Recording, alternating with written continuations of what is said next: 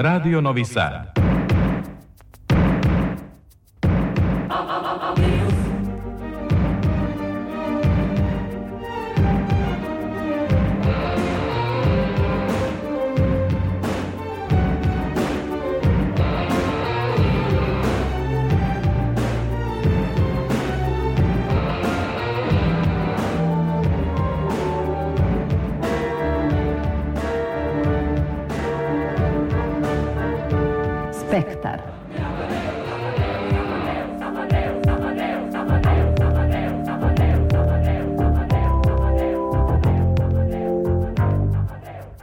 Spektar. Dobro veče, ja sam Tatjana Novčić-Matijević, počinje Spektar prvi u februaru. Bila je ovo sedmica književnih nagrada. Proglašen je 70. dobitnik Ninove nagrade za najbolji roman. Proglašen je dobitnik Zlatnog suncokreta ili Vitala za najbolju knjigu. Proglašen je dobitnik Zmajeve nagrade za najbolju pesničku knjigu, zbirku. Osim toga, Želimiru Žilniku dodeljen je Beogradski pobednik nagrada 52. festa za izuzetan doprinos filmskoj umetnosti, a profesor Slavko Gordić poneo je priznanje Mladen Leskovac za izuzetan doprinos književnoj istoriji. A osim toga, u Muzeju savremene umetnosti Vojvodine otvorena retrospektivna izložba Zorana Naskovskog. U Novosadskom pozorištu u Ivideki Sinhazu traje mini festival vojvođanskih mađarskih pozorišta, a povodom jubileja 50 godina postojanja tog teatra – I još tematske priče o studiji dveju istoričarki umetnosti Dragojle Živanov i Milene Vrbaški, o crkvenoj umetnosti novosadskih umetnika Arse Teodorovića i Arsenija Markovića i o problemima Gradskog muzeja u Bečeju. I da vrlo brzo počnemo prvu priču.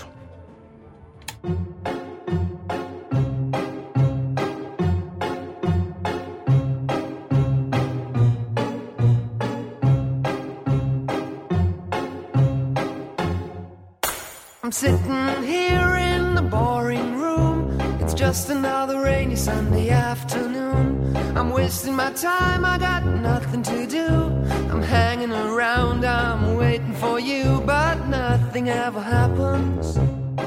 And I wonder. I'm driving around in my car. I'm driving too fast, I'm driving too far. I'd like to change my point of view.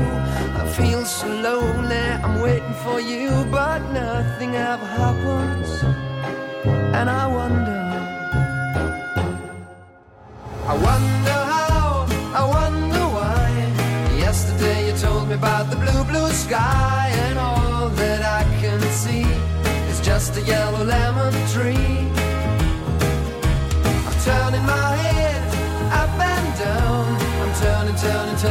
turning, turning, turning around. And all that I can see is just another lemon tree.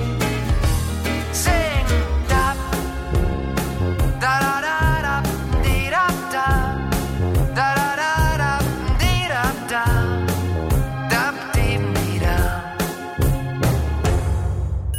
I'm sitting here, I miss the power. I'd like to go out, taking a shower, there's a heavy cloud inside my head. I feel so tired, put myself into bed. Well, nothing ever happens, and I wonder. Isolation is not good for me. Isolation, I don't want to sit on a lemon tree. I'm stepping around in the desert of joy. Toy and everything will happen. And you wonder, I wonder how, I wonder why. Yesterday you told me about the blue, blue sky, and all that I can see is just another lemon tree. I'm turning my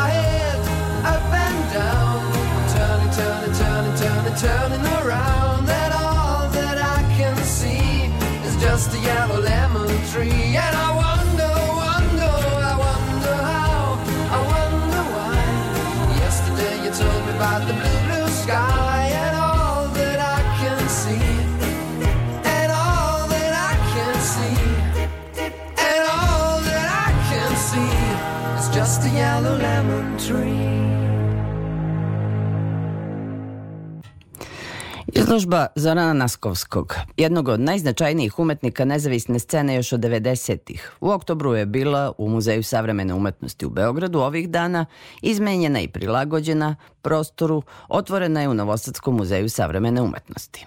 Izložbu su kao retrospektivu višedecenijskog rada osmislile kustoskinje Gordana Nikolić i Una Popović.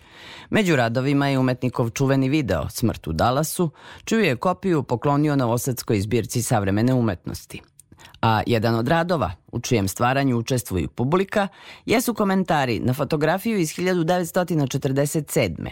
na kojoj je zabeležena socijalistička parada sa transparentom. Drugi zadatak naše omladine je da se fizički razvije i pitanjem a koji je prvi. Sa Zoranom Naskovskim razgovarala je Aleksandra Rajić. Dakle, vaši utisci, dve izložbe, ali sa nešto različitim konceptima i što je najbitnije saradnja dva muzeja, a ne obilujemo toliko savremenim interpretacijama stvarnosti naše. Kako vam se dopada ova novosadska postavka? Pa ja sam izuzetno zadovoljan ovom postavkom kao i većina ljudi koji su rađivali sa, sa mnom, uključujući pre svega kustose. Postavka u Beogradu je bila jako naporna jer je teško bilo prilagoditi radove savremene umetnosti muzeju moderne umetnosti. Ovaj, međutim, i neke kažem, prednosti tog prostora smo mi gledali da iskoristimo da se, da radovi dobiju novi kontekst. Tako da je tu uložen zaista veliki napor da, da se to uradi, a onda na osnovu tog iskustva ovde bilo možda malo lakše, ali u stvari je isto potrebno u suština, suštinu u svakom radu je posvećenost. Znači morate da bude potpuno u tome da bi se stvari isterala. I to se ovde desilo. Drugo, tako da je zaista postoji dobra veza između te dve izložbe. Je to u suštini jedna izložba, ali ona se širi, preklapa, a i na neki način čak mogu da kažem da su i u određenom smislu i site specific, da smo se zaista trudili da baš za određeni prostor se uradi na taj i taj način. Tako da je... Što vama kao umetniku predstavlja, pretpostavljam, zadovoljstvo? Jeste, pa izazov, izazov i zadovoljstvo, jer uvijek je vrlo bitno sa kojim ljudima radite. Ovde smo imali izuzetnu saradnju sa tehničkom službom, to je isto bilo u Beogradu, znači ja to stvarno, kad sam u Beogradu, rekao sam da je to jedna najboljih službi na svetu, što i mogu kažem i za ovo ovde. Znači, to je potpuno jedan uh, posvećen rad, uh, dobra saradnja, bez trzavica i onda svi problemi koji se najđu mogu da se reše. Naravno, Zoran Naskovski je pre svega medijski umetnik. Ova izložba zove se javne tajne. Dakle, nešto što je prećutano, nešto što je zataškano, spinovano, manipulisano. Ima li uopšte drugačijeg prostora tog informativnog i medijskog osim upravo ovakvog? E, javne tajne se vezuju, pored toga što ste vi naveli, ima još jedno značenje, a to je značenje e, istraživanja. Znači ono što se kaže research-based art. U osnovi svih tih otkrivanja je u suštini stvar tog istraživanja i researcha, ali to mora bude ozbiljno istraživanje. Na taj način se otkrivaju te tajne. Ove, to je jedna stvar. Druga stvar, totalitarni sistemi su bili poznati po tome da vam ne daju ovo, da vam ne daju ono i tako dalje. Ali danas opet postoje neka druga vrsta, znači da vam daju sve a onda vidimo se snađete u svemu. Znači, to je vrlo slično, to je ono što poeziju često razlikuju između Orvela i Huxleya. Ali je to istina, pogotovo kod ovih nekih istraživačkih projekata kojim se ja bavim sa novinama koji onako u sirovom materijalu su, e, vrlo je važno da ste u tome, kao i na ovoj postavci u stvari, znači da ste u tome, da imate sve te informacije, da ih sredite i klasifikuje, da onda kad donesete na izložbu, da posetioca koji inače mora da bude aktivan, ne može da mu pre, e, vi uvek postavljate više pitanja nego što dajete odgovore, ali da ga navedete što bliže pravom putu. Da, jer u gomeli informacija koje će on dobiti, jer dnevno ne znam koliko e, novina izađe, vi ne možete sve da prelistate. Ali ja pravim jednu vrstu selekcije i kroz tu selekciju svodim to, te informacije na, odbacujem gomilu dezinformacije. Ali, bez obzira na sve to, posetilac mora bude aktivan, ne sme ni meni da veruje previše. Da, i za vas je više decenijsko, naravno, iskustvo da. upravo da. u tom poslu. Da li kako hvatate korak sa novinama, recimo, u tehnološkim novinama ili medijskim, ili smisa onim semantičkim pa, novinama u tom prostoru? Pa, ne znam, evo, recimo, Za mene medijska umetnost je svaki medij. Znači, medijska umetnost je uljena slika, medijska umetnost, sve medijsko.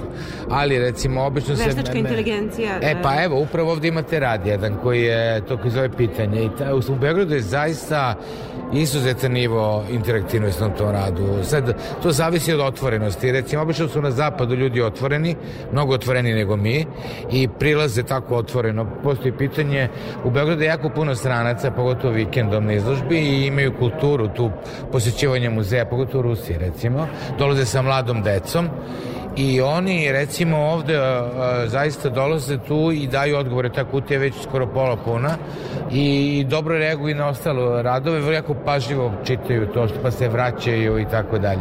Tako da ovaj rad uključuje veštačku inteligenciju. Ako ste videli onu fotografiju, drugi zadatak naša omladina da fizički razvija. To je sled 47. godine. Mi smo 2000. godine uradili rad koji zove isto pitanje, ali bio internet projekat. Da vi možete pošaljete odgovor, bilo je koji je prvi zadatak naše omladine, ako je drugi taj. E, sada kada je ova izložba trebala da se radi, ja sam njega ponovo zvao da uradimo novi rad, pogotovo što je prošla godina definitivno prošla u znaku veštačke inteligencije i razgovora o ulozi veštačke inteligencije. To ono što je vrlo važno. Je zaista shvat, svi shvataju ozbiljnost toga. Jer sve je dobro i loše, ali je pitanje na koji način se koristiti. A inače i to je sa sleta 47. To je isto pre 48. Vrlo su zanimljive godine kada su, je to korišteno. 2000. godine koje je proizatak naše omladine i sada 2023. nakon svega što se dešavalo i prošle godine, još plus. Tako da imamo odgovor veštačke inteligencije, ali imate mogućnost da aktivno participirate i da upišete. Me je bilo zanimljivo na španjolka, na, na španskom baš napisala, kaže, preživeti. U svakom slučaju, vrlo je važno da, pored svega, mora da se, čovjek mora da nauči da misli. Znači, veštačka inteligencija promeniti način mišljenja do sada i bit će jako korisno u medicini, u nauci i tako dalje, ali one vrlo iz druge strane postoje određene opasnosti. Najveća opasnost je da prestanete da mislite.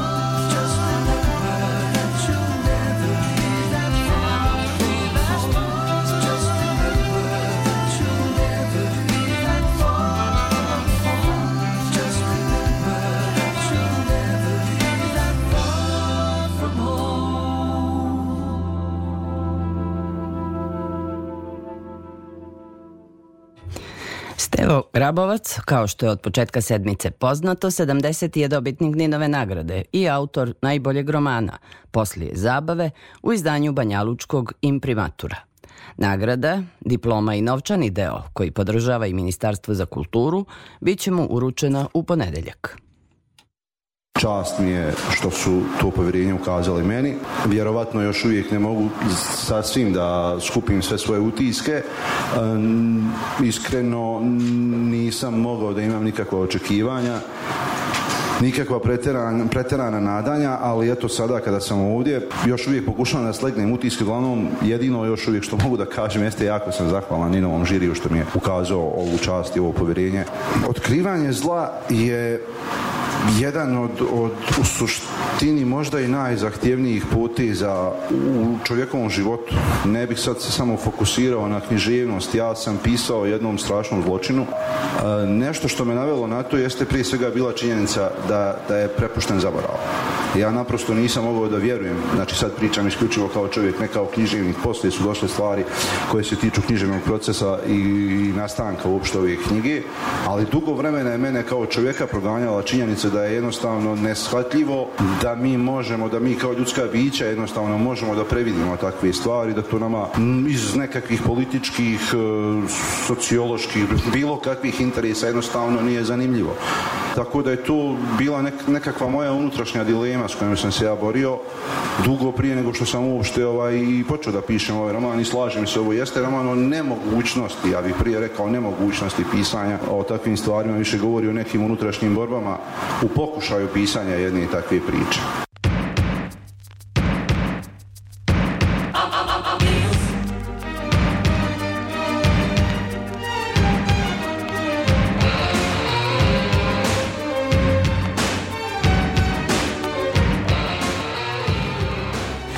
Nagrada Zlatni suncokret, poznatija kao Vitalova, pripala je Igoru Marojeviću za knjigu Granična stanja u izdanju Derete. Prema oceni žirija, ta zbirka novela izdvojila se uverljivim prikazom naše savremenosti, lakoćom pripovedanja i duhovitošću, koja je jedan od piščevih najmoćnijih alata. Igora Marojevića pozvala Isidora Bobić. Gospodine Marojeviću, čestitam vam najpre na nagradi. Šta vam je to vanredno i drugačije u samom iskustvu pisanja pružila forma novele? Zašto ste je odabrali? Hvala vam na čestici prvo, a ja sam započeo prozno bavljenje formom novele koju sam za duše pokušao da živim kao roman. Usled svoje tadašnje nezrelosti, 97. naime izašla Obmana Boga, to je novela, tako da sam se ja zapravo vratio svojoj prvoj formi nezahvalna i zahvalna prelazna forma. Zahvalna je zato što ne iziskuje totalitet, a nezahvalna je zato što je to e, najnekomercijalniji književni žanr.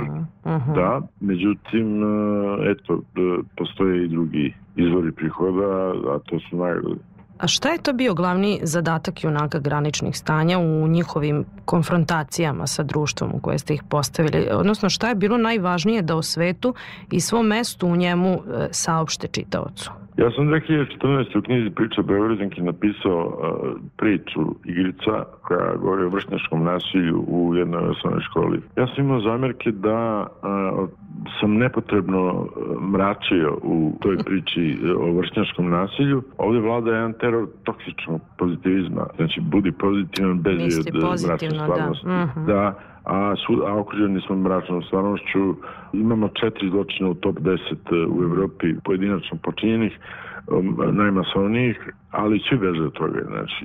I onda se desi maj 2023. i šta ovo bi, i tek čini mi se od drugoga ovoga stravičnog masakra u maju da su ljudi shvatili da to nešto kod nas nažalost normalizovano. Ja nisam zaboravio ni Veliku Ivanču, nisam zaboravio ni svoju priču igrica, nisam zaboravio ni baš u vašem gradu je bilo primjera da učenici maltretiraju čak i profesore tuku.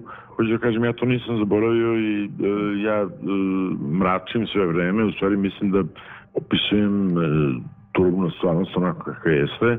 Ja sam želeo da prikažem tu neku mešavinu stanja kakve nisu ni čista a, psihoza, a, a otišla su daleko od neuroza, a na koja ni savremeni lekari, čak ni američki, nemaju do, dovoljan odgovor, ali recimo e, vrhunska književnost ima, kao na primjer Hanke je još 70. napisao golman zrahu penala gde se uopšte ne zna šta je sa Blohom, tim glavnim znakom, da li šizofreničar, da li je paranoik, da li ima posttraumatski sindrom i tako da. Ja sam želeo da se bavim tim formama koje jesu granična stanja. Psihijatri takođe zgodno mi se namestilo to što se sve priče odvijaju, ja to nisam imao u vidu napred, nego sam vidio da se te priče i narativi uopšte odvijaju u, na, gra, na geografskim granicama ili su povezane e, sa promenama granica, a na kraju krajeva što je žiri Vitalove nagrade primetio e, u knjizi se pominje i iz građevine e, teorije graničnih stanja Tako da, mm, što se može odnositi uh, implicitno na strukturu teksta, naravno ja to nisam sve osmislio, kažem, to je do toga je došlo spontano. Drago mi je što nije odluka donesena jednoglasno, što je jedan talentovan mlad pisac dobio jedan glas, verovatno pred njim stoji dobra budućnost. Da se nadovežem na tu banalnu opasku kako, kako mračite, Poznati ste kao pisac koji se ne dodvorava čitaocu, ali koji negde sam pročitala ipak anestezira čitaoca humorom.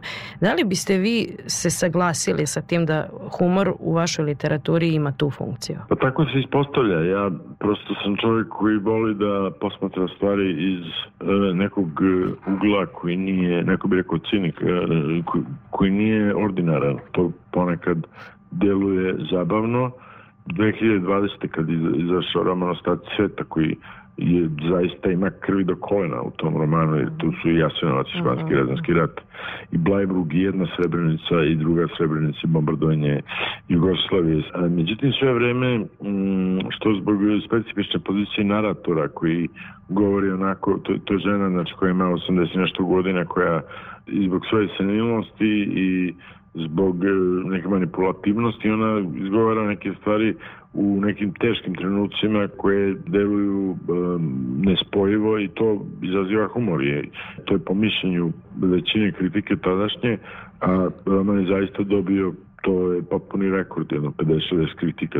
Ja ne znam da je neki drugi roman u 21. veku to, to, toliko toga dobio. Ispostavilo se dakle da je taj moj humor uh, izbavljujući. Moj junak iz tog romana Osad sveta, Baja Mahmedović, on kaže humor je jedina pilula uz koju se može dok priča o, o, o stradanju u Srebrenici, uh mhm. -huh. humor je jedina pilula uz koju se može pročitati, popiti čaša krvi, ako ne i krigla, tek, tek se to puno tvoruje u, u m, sa dejstvu, sa, sa čitavcem. I sad ima, ima čitavac koji ne primećuje uopšte humor, koji ne primećuje ironiju to isto legitimno. Ima ih dosta što nisu mogli čitati taj roman. A oni koji jesu, a opet knjiga je doživjela dva izdanja, sprema se i treće, znači ima svoju publiku, oni su uglavnom, zahvaljujući humoru, izražali da čitaju svim tim strah, strahotama. A šta je sa lepotom u e, graničnim stanjima? Vi ste se bavili njom kao fenomenom, može se reći da je bila glavni junak jedne vaše knjige Gde joj je mesto u graničnim stanjima? Sve za lepotu je bila knjiga koja je posjećena lepoti u svim njenim oblicima mogućim koji sam se ja setio. A e, u graničnim stanjima, pa jedina lepota, mogu da kažem, jeste u sklonosti čovjeka da pobedi, jer svi mi imamo, znači mi koji se bavimo javnim poslovima imamo opasnost od narcističkog poremeća ličnosti. Lepota je u svesti, u skromnosti, u, u spremnosti čovjeka da, da ukaže sebi na sve mane, da, da sebe iznutra osmotri i da na taj način da bolje dejstvuje u društvu. Mislim, lepotu nalazim u, u, u nekoj toj čestitosti, jer većina ljudi je sklona tome da pripisuje grešku drugima. Ako čovjek ima takav pristup uh -huh. da prispituje svoje greške, da ih priznaje sebi, da radi na sebi, da smanji svoj narcisizam, da, sorry, da, da, da ga nekako smesti na pravo mesto, da, da ga distribuiše toliko da ne smeta drugima. I mislim da to porađa niz nekih slepih gestova i nekih mojih e, likova se odlikuju time, ali neki, boga mi, baš i ne.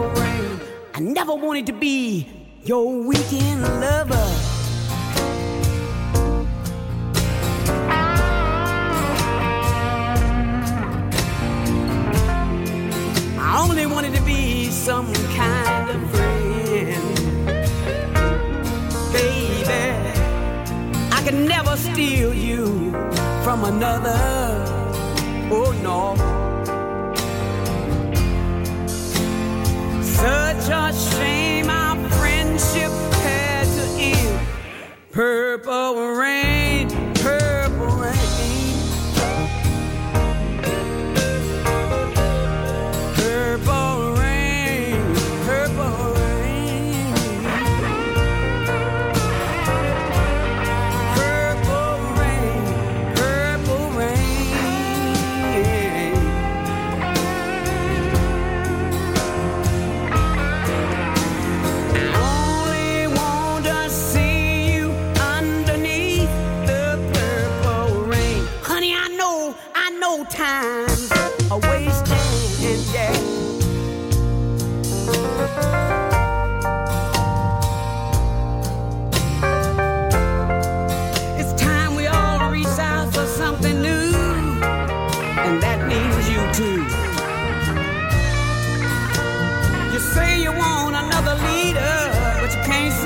make up your mind. I think you better close.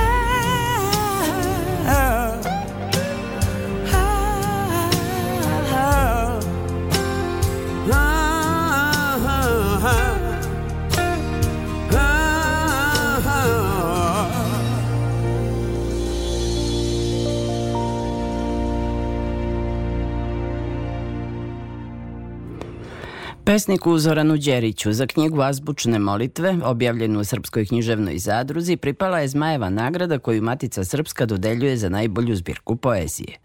Na svečanoj sednici povodom 198. rođendana te institucije 16. ovog meseca biće mu i uručena. Sa Zoranom Đerićem razgovarala Isidora Bobić. Najpre bih želela da nam otkrijete na koji se način prepliću u azbučnim molitvama srpska i slovenska srednjevekovna pismenost sa postmodernističkim diskursom. Pa pre 33-4 godine sam prvi put bio u Hilandaru. Tamo sam, e, pregledajući neke rukopise i u riznici manastira, susreo se sa ovaj, tim nekim e, tekstovima iz srednjeg veka, kako prepisima vizantijskih grčkih pesnika, tako i naših srpskih srednjovekovnih pesnika i to me privuklo pre svega vizualno, kao forma. Sva ta slova koja su bila ukrašena, koja su poznate i u našim ovaj, rukopisnim knjigama, koja su likovno izuzetno zanimljiva i vredna i mene su privukla kao leptira noćno svetlo. I od tada bukvalno počeo sam da pišem tu jednu od tih prvih azbučnih molitvi. Do danas, e, znači već je 33 godine prošlo, nekad intenzivnija, a nekad manje, sam e, razmišljao o tim azbučnim molitvama i koliko one mogu da budu posticajne kao pesnička forma savremenom pesniku a koliko mogu da sputavaju, pošto budući da imaju azbuku u akrostihu, a i neke zadatosti koje postoje. S jedne strane je ograničenje sa ove leve, a s desne strane su slobode. Tako da sam sa te desne strane pokušavao da reagujem, e, nekad rimujući, e, nekad se poigravajući sa nekim e, drugim oblicima, opkoračenjima i tako dalje. Sve u svemu video sam da ta forma može da bude zanimljiva, može da oživi i može da prihvati i potpuno savremene teme. Pročitala sam u jednoj pesmi da je dom može biti i metafora, ali i poetika. Jeste. Ja se temom doma bavim takođe dugo, budući da je to dom i bezdomnost bila i tema mog doktorskog rada Znači već više od 20 godina se time bavim i upravo zahvaljujući toj i literaturi i istraživanju pesnika koji su bili bezdomnici. Napravio sam i nekoliko antologija na tu temu i ruskih, poljskih i srpskih bezdomnika. Istovremeno sam i sam u jednom trenutku imao takvu neku situaciju. To se prenelo naravno i u poeziju, tako da sam pisao i sam na tu temu pesme. Da li ste se nečega poetički odrekli e, što ste smatrali delom svog pesničkog bića sa početka svoje književne karijere? Pa jeste, e, ta prva knjiga Talog objavljena je 83. godine u izdanju Matice Srpske. Evo, prošlo je 40 godina i e, neka vrsta rekapitulacije može se podvući. Ta prva knjiga mi je bila jako važna budući da sam tada počeo da pišem u stvari da pravim knjige koje su osmišljene kao celina. Znači nisu bile samo zbirke pesama, nego su zaista bile knjige koje su bile od prve do posljednje pesme povezane, osmišljene i bile su kao neka knjiga projekat. I talog je zaista bio takav, on imao svoje cikluse. Kasnije sam pravio i knjigu izvornih pesama koja se zove Nataloženo, tako da sam e, zaista e, tu simboliku od početka nosio i ona mi je bila e, važna i u budućim knjigama i u radu. Mislim da sam dugo, dugo bio pod uticajem te prve knjige i da sam se njoj vraćao kada sam želeo da proverim neke svoje nesigurnosti, posebno pesničke i poetičke. Hvala vam što ste govorili za Radio Novi Sad. Hvala vam.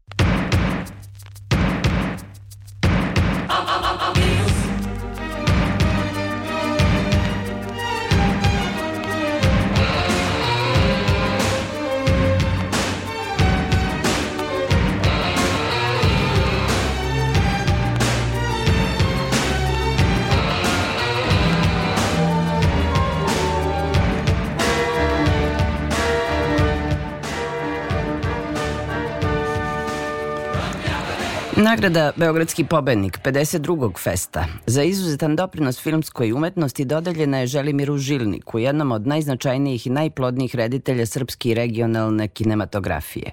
Žilnik spada u ključne figure i začetnike srpskog i jugoslovenskog modernističkog filma, ali njegov opus uveliko nadilazi taj period i proteže se do današnjih dana, saopštili su juče organizatori festa. Žilnik je tokom gotovo šest decenijske karijere snimio oko 60 filmova. U njegovim filmovima igrala su prepoznatljiva imena srpskog glumišta, ali su se zahvaljujući njemu neki i proslavili u filmskoj industriji, kaže se u saopštenju. Pokretne slike iz Žilnikove radionice prikazivane su na skoro svim meridijanima. Brojni radovi uvršteni su u kolekcije inostranih art galerija i muzeja savremene umetnosti. Dobitnik je nagrada za životno delo filmskog festivala Herceg Novi i festivala autorskog filma. Pripala mu je i nagrada Centralnoevropske inicijative na 30. filmskom festivalu u Trstu. Njegova dela se u različitim retrospektivama danas prikazuju u čitavom svetu, u Argentini, e, Njujorku, Ankari, Lisabonu, Berlinu, Sao Paulu, San Petersburgu i Solunu.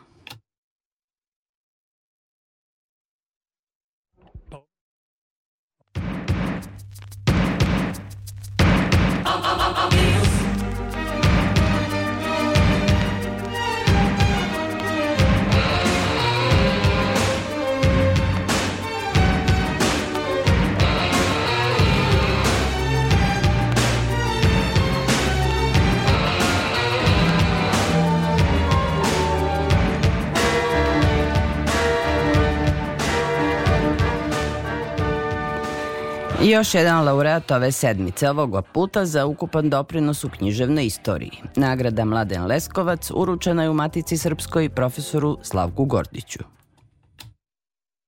Pa obradovala me ova nagrada na osnovnim studijama. Mladen Leskovac je bio moj profesor. Nekoliko puta su se, je bila linija dodira između onoga što sam pisao i onoga što sam od njega učio i naučio. Moj magistarski rad je bio u istima obsesivna tema Mladena Leskovca Jovan Jovanović Zmaj.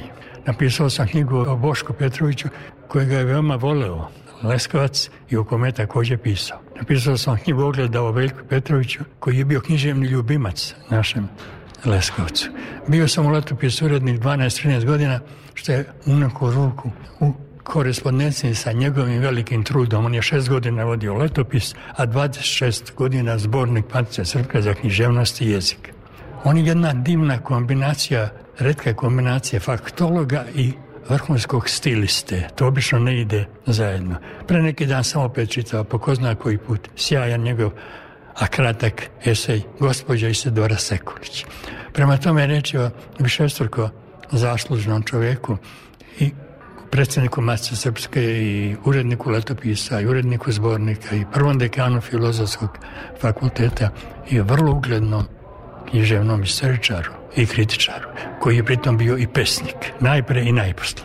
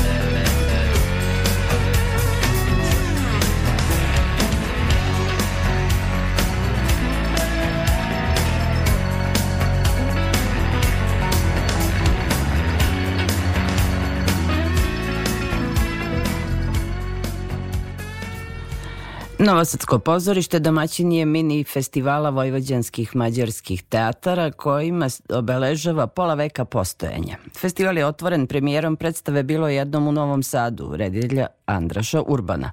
Zabeležila Ivana Maletin-Ćorilić. Bilo jednom u Novom Sadu prva je premijera Andraša Urbana u Novosadskom pozorištu, od kako je preuzeo kormilo jednog od najboljih teatara u regionu. Zamišljena kao poklon publici u godini velikog jubileja, pruža gledaocima pogled iznutra, objašnjava Urban. Jako smo se nama učili oko te predstave, hoću da kažem, radili smo jako puno e, i bavili se pozorištem, bavili smo se jako za nas bolnim temama, ali kako se osjećam sad isplivamo nekako na površinu i počinjemo možda da uživamo u tome I da, dobar je osjećaj. Iako su se sa tekstom susreli tek krajem decembra, glumci Novosadskog pozorišta sa velikim žarom, ali i sa dozom treme, upustili su se u rođendansku avanturu. Rad na boemskoj rapsodiji, kako je Arpad Mesaroš okarakterisao taj komad, zbog obilja muzike i plesa, za njih je bio katarzičan. Naš posao se ne završava time da mi uradimo tu probu i da odemo kući završen s tim. Ne, nego da da je stvaramo neke stvari, da je razmišljamo o pozorištu, o reditelju, o tekstu, o, o društvenim problemima, e, naše, naše reakcije kakve treba da budu na te, na te probleme i to ste sad imali mogućnosti da vidite. E, I to, mislim, sažeto. E, Pa ne znam, e, sudeći po, po reakcijama publike, mislim da je to i za njih interesantno. Mi volimo naš posao, možemo čak reći da je to, e, naš posao je naš hobi. Čak i ako je nešto teško, to je, to je e, teško na dobar način. Dolazak Andraša Urbana mogao bi da donese polet ansamblu Novosadskog pozorišta. Ocenjuje Agota Ferenc, podsjećajući na značaj te ustanove za Mađare u Vojvodini. Ja kao rođena novosađanka sam veoma ponosna što, što sam deo ovog rođendanskog, ne znam, ciklusa. Jako mi je drago da i posle toliko godina mogu da stojim na ovim daskama Novosadskog pozorišta i stvarno mislim i, i, i htela bih da verujem u to da ću i za 20 godina biti ovde i ne znam, na 70. rođendanu isto ovako plesati. Mislim da je ovo jedan veoma veliki uspeh za nas ovde Novosađane, za Mađare u Vojvodini i, i u celom regionu i verujem da, da, će, da će i ljudi to osetiti ne samo sa ovom predstavom nego sa samom energijom celog ovog stvaranja i smatram da da sa Urban Andrašem dobijamo neku vrstu slobode koja je do sad falila ovom novosadskom pozorištu. Mislim da, da ćemo dobiti neka druga krila da poletimo. Mini festival mađarskih pozorišta iz Vojvodine trajaće do kraja sedmice, dok je predstava Bilo jednom u Novom Sadu ponovo na programu u subotu.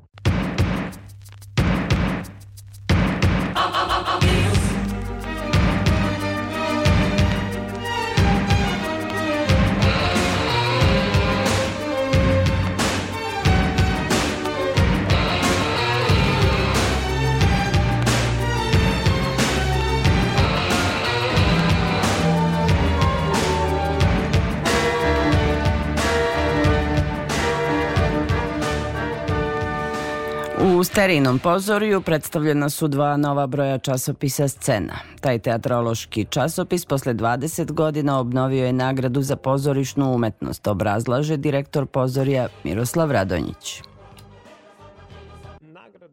koju je dodeljivao časopis scena za najbolja ostvarenja u, pozor, u domaćim pozorištima, a tiče se jedne godine, dakle protekle godine, a ne sezone, nije nikada zvanično ukinuta, ona je jednostavno ugašena negde 2002. Ja mislim da je posljednji put e, ta nagrada dodeljena i jednostavno posle toga nije e, i onda smo odlučili prošle godine redakcija časopisa scene i e, udruženje pozorišnih kritičara teatrologa Srbije da bi bilo dragoceno da se ta nagrada ponovo dodeljuje jer mislimo da je važno da se na taj način afirmiše ono što je ponajbolje u našem pozorištu prošle godine. I evo deset kritičara je učestvovalo u toj anketi, doneli su, doneli su neke ovi, zapravo su glasali po svom nahođenju za tri predstave i najveći broj glasova imala predstava Očevi oci Narodnog pozorišta iz Beograda. U romanu Slobodana Selinića u dramatizaciji Kati Đarmati i reži Veljka Mićunovića. E, tu je još nekoliko predstava za koje su kritičari glasali, o tome ćemo e, informisati u idućem broju časopisa scene. I mislim da je zaista važno da i ova nagrada i nadalje postoji, eto, od, od sada će biti redovna. E, svečano uručenje e, diplome ili plakete će biti u Narodnom pozorištu u Beogradu, uručit će Miloš Latinović kao glavni odgovorni urednik časopisa Scena.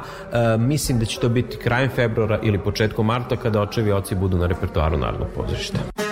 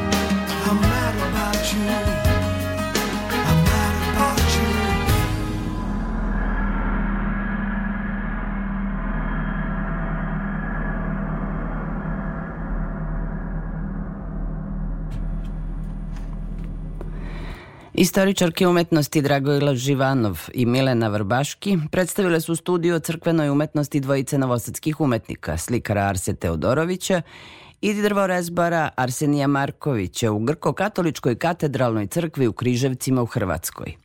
Reč je o značajnom naučnom otkriću koje rekonstruiše istorijsko-umetnički kontekst s kraja 18. i početka 19. veka u južnim krajevima monarhije, predstavlja stilske obrazce crkvenog slikarstva i svedoči o kosmopolitizmu u umetničkim tokovima tog vremena.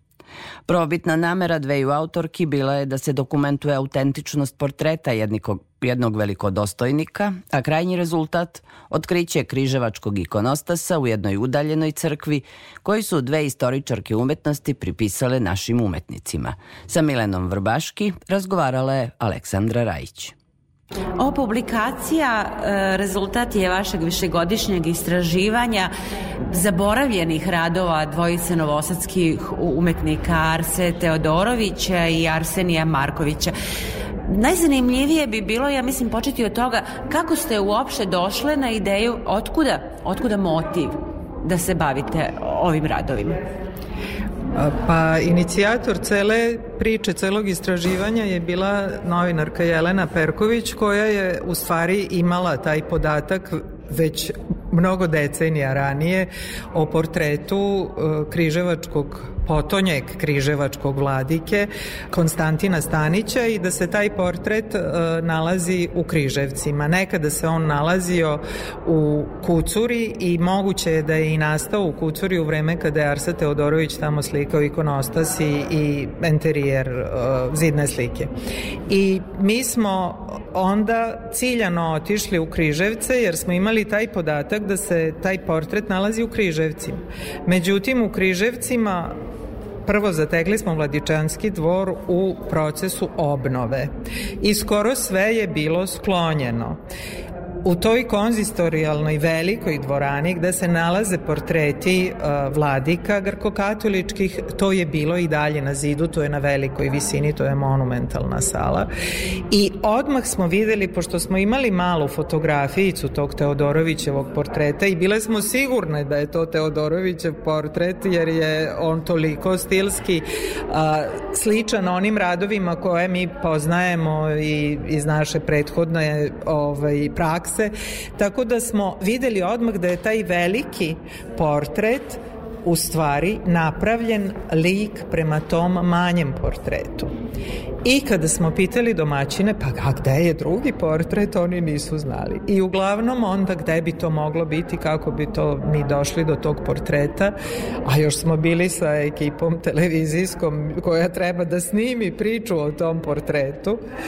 Tako smo dobili podatak da u sjemeništu u Zagrebu, Grko-katoličkom, postoje još neki portreti i otišli smo i stvarno smo tamo našli taj portret. I onda u razgovoru sa rektorom Sjemeništa, on je rekao da postoji i ikonostas koji je slikao naš slikar Marković. I ja sam odmah na to njegovo Marković rekla, pa mislite Teodorović Marković nije slikar. I pomenuo je Stojdragu. a neposredno pred taj naš službeni put bila sam uzbuđena i koleginici Dragojli Živanov sam poslala mail, ja ne znam uopšte kako, da mi u stvari treba da idemo u Stojdragu. Nešto sam pronašla, neki podatak na internetu, ali nisam videla unutrašnju crkve.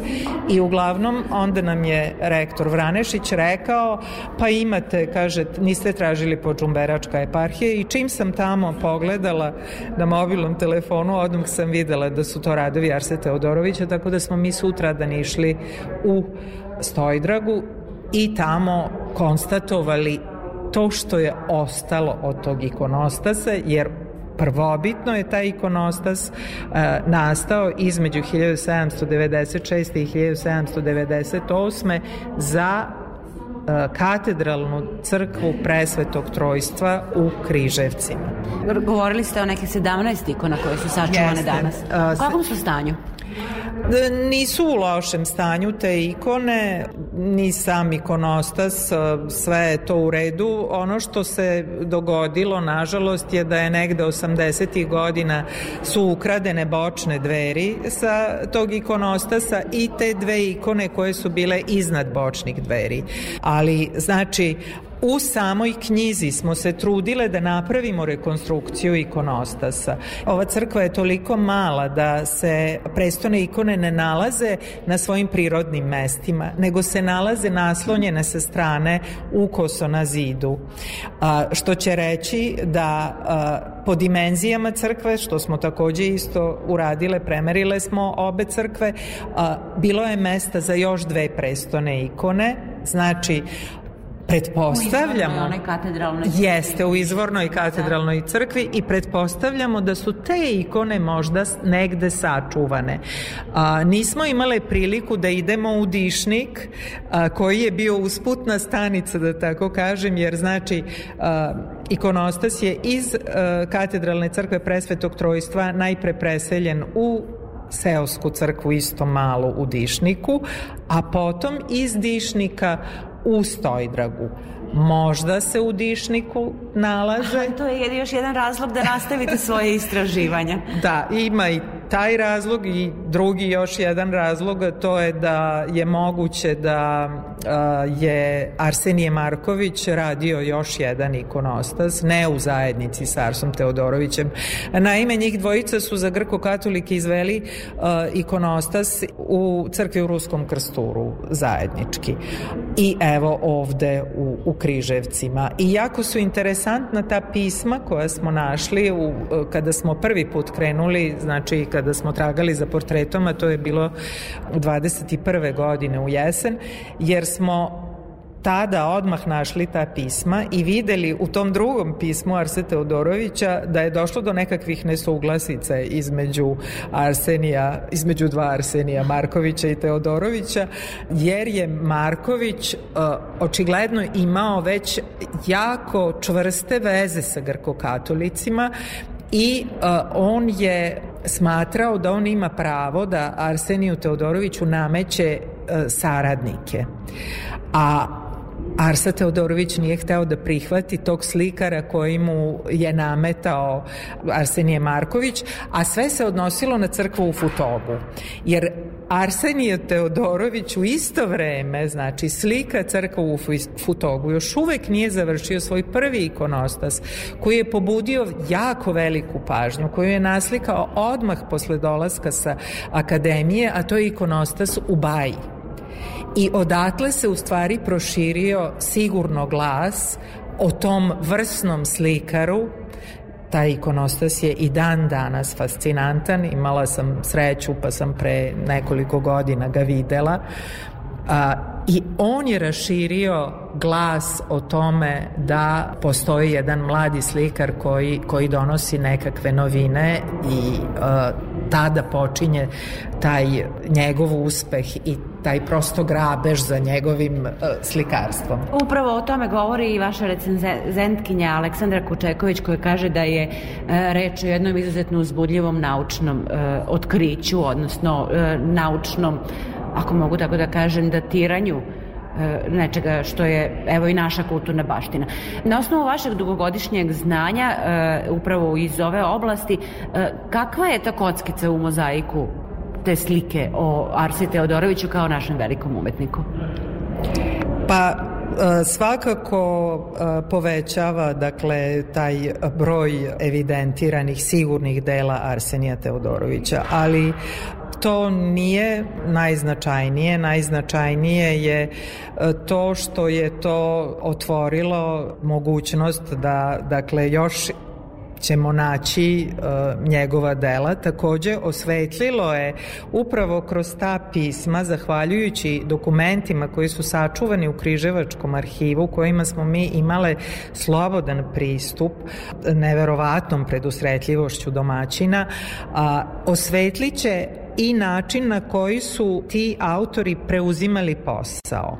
Oni su radili više poslova istovremeno, kao što je i danas slučaj. I onda to se zna da je Arsa Teodorović posle imao problema i da se žale crkvene opštine, jer on ne uspeva da izvrši obaveze. E sada mi imamo crno na belom dokaz da je to tako bilo već na samom početku njegove karijere, jer on je po ovim dokumentima i naznakama informacijama koje smo mi otkrili, on je znači sklopio posle Baje posao o, i Ruskog krstura, posao za Križevce, a istovremeno, iako je znao da je sklopio posao za, za Križevce, a, sklopio je posao za pravoslavnu crkvu Svetih Vračeva u Futogu. I u tom jednom pismu ima rečenica a, gde on kaže pa neće Futožani nikog drugog osim mene. I ja se nadam da se, piše Vladiki Bubanoviću, da se vi nećete na mene ljutiti, ali eto, on nije mogao da odbije, jer oni žele samo njega. Hvala vam na razgovor. Hvala vama.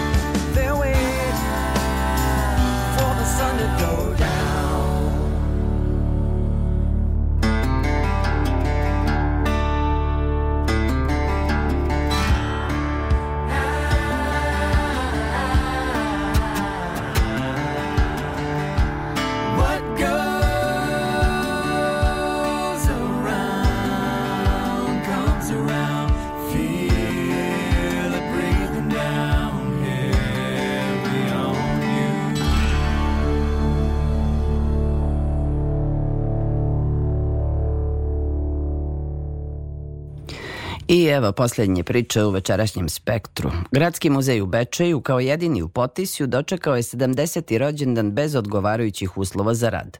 Već tri godine glavna izložbena sala se ne koristi jer nije bezbedna za posetioce.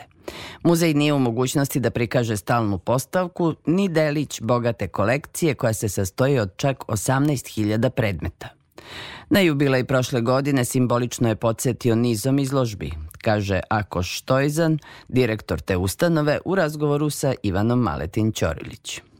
Gradski muzej u Bečeju e, učestvuje na konkursu Gradovi u fokusu. E, Koji su infrastrukturni planovi muzeja? Koji su vaši prioriteti? Neko vreme već, već nam je najveći prioritet uh, spašavanje krova Gradskog muzeja Bečej, uh, iako u nekim dugoročnim planovima imamo i adaptaciju, sanaciju i izgradnju dodatnih depoa uh, naše zgrade, uh, sad nam je najveći problem uh, što nam propada plafon uh, u velikoj sali i zbog toga je već van funkcije sad već tri godine. Uh, ona je, ima oko 200 kvadratnih metara velika sala i sad smo svedeni na 80 kvadratnih metara što se tiče izložbenog prostora, što je jako malo uh, i za jedan mali muzej kao što smo mi.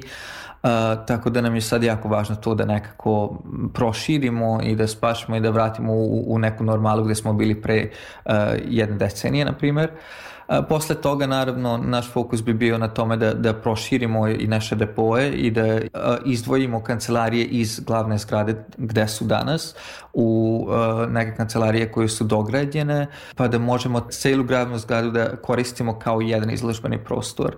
Jedan od, od ciljeva koji, koji nam već postoji decenijama, ali al koji se nadam da ćemo uspeti u, u roku od nekih pet godina da ostvarimo, mada jeste veliko ulaganje, da imamo dovoljno izložbenog prostora, da Gradski muzej Bečej pored ovih povremenih postavki što radimo, ima i jednu stalnu postavku gde može da pokaže istorija naše opštine i ovog regiona. Kada je podignuta kuća u kojoj se muzej nalazi, evo ove godine se navršava i jedan jubilej 70 godina postojanja Gradskog muzeja u Bečeju i kako je on prerastao iz jedne male galerije slika u e, zavičajni muzej kompleksnog tipa? Zgrad gde se danas muzej nalazi je izgrađena 19. veka, znači dosta je sad već dostarela. Pored toga nije ulagano u nju adekvatno uh, tokom ovih silnih decenija. Gradski muzej Beče je osnivan 1953. godine, tada je počelo neko funkcionisanje, za to znamo. Međutim, neki ozbiljniji rad počinje tek uh, 1960-ih kada prva direktorica i zapravo prvi stručni radnik stiže u muzej je Ana Bukinac, mhm. ona počinje s radom i tada se organizuju kolonije e, bečejske e, gde dosta i poznatih slikara se pojavljuju, rade svoje radove i naravno ostavljaju e, lokalu, to jest muzeju deo toga. Tako da, da u početku muzej i galerija Bečejska ima tu zbirku slika koje su se stvarale tokom tih kolonija, a posle zbirke počinju da se šire. Kako stižu i drugi stručnjaci, stvaraju se i nove zbirke sve do današnjeg dana kad Gradski muzej Beče, iako što je mali muzej, ima jednu dosta impresivnu zbirku od više od 18.000 predmeta iz više odseka. Znači imamo odseke, jednu istoriju umetnosti, istoričarski odsek, odsek arheologije, etnologije, i na kraju imamo i e, odsek e, prirodnjačke zbirke, mada za to još nemamo kustosa. Kako ste obeležili godinu jubileja i koji programi su se izdvojili? Imali smo više autorskih izložbi uh, koje su bili izložbe koje su naši kustosi pripremili iz naših uh, zbirki. Uh, najznačajnije od toga je Bretka nam uzvisi iz, koja je bila arheološka izložba našeg kustosa Ramadanskog koja se bavila sa ranim srednjim vekom. S jedne strane veoma impresivna što se tiče vizualno i, i, i predmeta, a sa druge strane imali smo jako puno pratećih manifestacija gde su na naši posetioci imali prilike da vide uh, te štitove i uh, različita oružja i uživo kako su se koristile uz pomoć uh, nekih organizacija iz Mađarske i Srbije koji su nam pomagali. A, druga, možda najvažnija izložba je bila a, Sokolsko društvo Starog Bečeja, a, gde je naš a, viši kustos istoričar Nemanja Krapanđić a, prikazao a, svoj rad o bečejskim a, sokolima i gde smo uh, delom iz naše zbirke, delom iz privatnih kolekcija i iz ostalih ustanova uh, prikazali pokretne materijali koji su ostali. Pored toga, inače sad uh, tokom izložbe Sokolskog društva smo imali i, i samo predavanje gde smo predstavili rezultate iskopavanja iz Perleka uz podršku Ministarstva kulture i informisanja uh, naša arheologija radio na iskopavanju lokalitetu Perleka, što je jako važno jer ovo je prvi put uh, da se sistemsko iskopavanje vodilo na tom lokalitetu. Uh, taj lokalitet je veoma poznat i već uh, delom obrađen, ali do sada su samo rađeni zaštitni iskopavanje. Znači ovo je bio prvi put da smo cijeno sistematski išli da istražujemo taj lokalitet. Uh, svakako ti rezultati su sad preliminarni, ali uh, to što smo uh, već mogli da, da prikažemo o publici su imali priliku da, da vide. Uh, um, što je dobro ispalo što je to uh, baš bilo na, na susretu arheologa iz Bačke, koji je prvi put ovog tipa. Uh, još nismo sigurni da li je to bila uh, samo jedna prilika ili će se možda ponavljati sledećih godina. Je li ova zgrada može da zadovolji vaše potrebe za širenjem, za otvaranjem novih zbirki, predstavljanjem svih vrednih eksponata koje baštinite?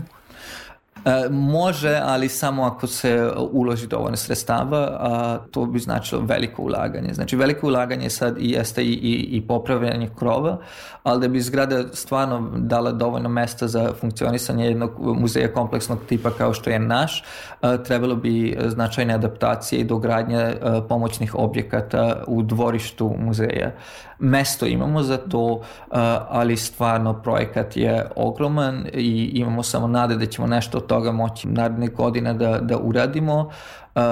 Možda jeste bilo bi povoljnije naći jedno boje mesto, ali pitanje je za šta ćemo imati mogućnosti. Ako imamo mogućnosti na adaptaciju, to bi bilo dobro u smislu da, da zgrada jeste istoričnog tipa i što jeste u centru grada. Tako da negde je najbolje mesto, ali, ali stvarno treba jako puno ulaganje.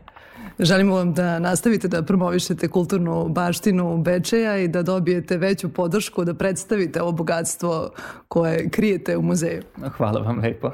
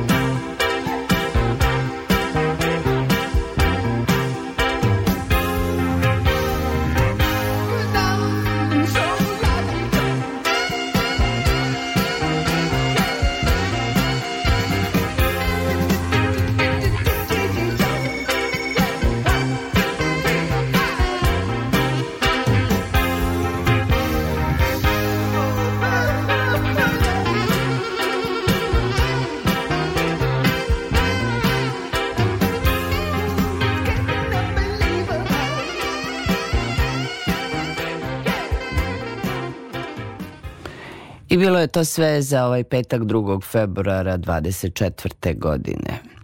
Mirne snove i dobru noć. Želi vam Tatjana Novčić-Matijević. Narednog petka neke nove priče o kulturi i umetnosti na ovim prostorima, a ovo izdanje Spektra od naredne sedmice, sedmice biće dostupno na odloženom emitovanju na sajtu Radio Televizije Vojvodine.